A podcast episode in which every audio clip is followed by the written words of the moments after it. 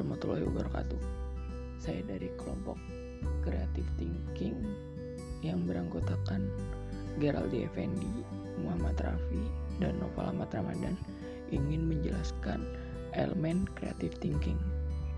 Saya Novel Ahmad Ramadan, NPM 148197009. Kali ini saya akan menjelaskan bedanya kreatif dan kreativitas.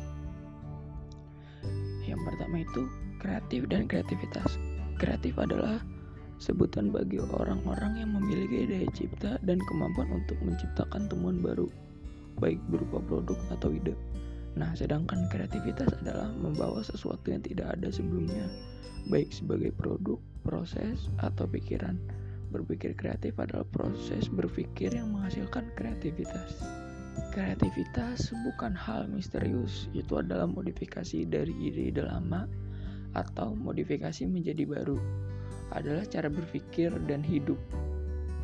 Kreativitas tidak hanya untuk artis, investor, dan ilmuwan saja, masih banyak yang lainnya.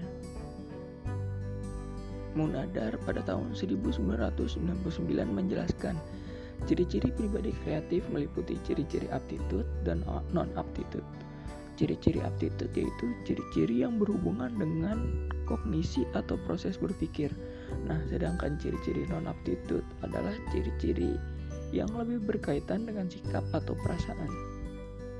Selanjutnya akan dijelaskan oleh teman saya, Geraldi Effendi. Perkenalkan, nama saya Geraldi Effendi dari 2M16 dengan MPM 128 584. Kali ini saya akan menjelaskan berpikir kreatif.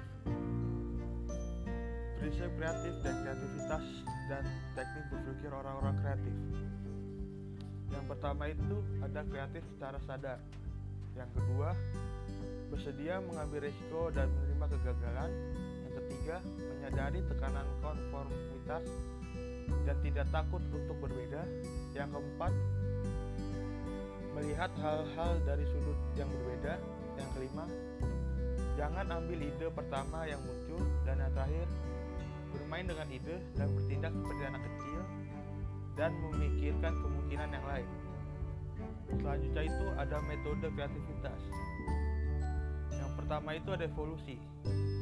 Metode ini adalah setiap masalah yang telah diselesaikan dapat diselesaikan dengan cara yang lebih baik. Yang kedua ada sintesis. Dalam metode ini, cara yang digunakan adalah dengan menggabungkan dua atau lebih ide yang sudah ada menjadi satu ide baru. Yang ketiga itu ada revolusi. Terkadang ide-ide baru yang lebih baik adalah yang sama sekali berbeda dan tidak berhubungan langsung dengan masalah yang harus diselesaikan. Yang keempat itu ada reapplication. Metode ini melihat sesuatu yang lama dengan cara yang baru dan memikirkan cara bagaimana menemukan sesuatu dengan cara yang baru. Dan yang terakhir ada mengubah arah. Banyak pemecahan yang kreatif terjadi ketika perhatian dialihkan dari satu sudut masalah ke yang lain. Hal ini disebut wawasan kreatif. Nah, selanjutnya itu ada the bonus sick thinking head. Yang pertama itu ada topi putih atau informatif. Fokus pada data yang tersedia, melihat informasi yang kita punya lalu pelajarinya dan melihat jarak pengetahuan kita dan cobalah untuk mengisinya atau memperhitungkan serta menganalisis tren masa lalu. Yang kedua itu ada intuitif atau topi merah. Melihat pilihan berdasarkan intuisi, reaksi mendalam, dan emosi. Lalu mencoba berpikir bagaimana orang bereaksi emosi. Mencoba untuk mengerti respon intuisi dari orang-orang yang tidak sepenuhnya mengetahui alasan kita. Selanjutnya ada topi hitam atau kautius.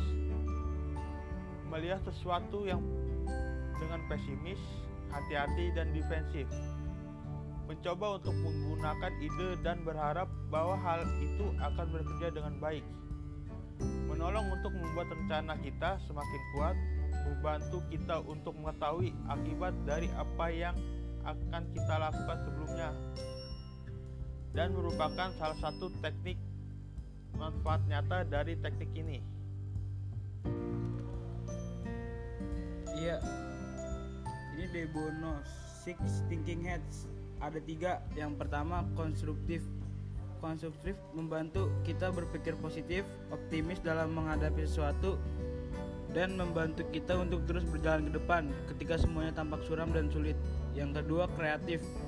Tetap kreatif, kita bisa membangun solusi kreatif untuk menyelesaikan masalah serta keadaan bebas dan tak terhambat dalam berpikir. Yang ketiga reflektif, tetap bisa mengontrol proses dan salah satu topik yang digunakan untuk yang digunakan oleh orang yang menduduki kursi kepemimpinan. Dan ada bakat Brigham Brigham Brigham Crow Wilford.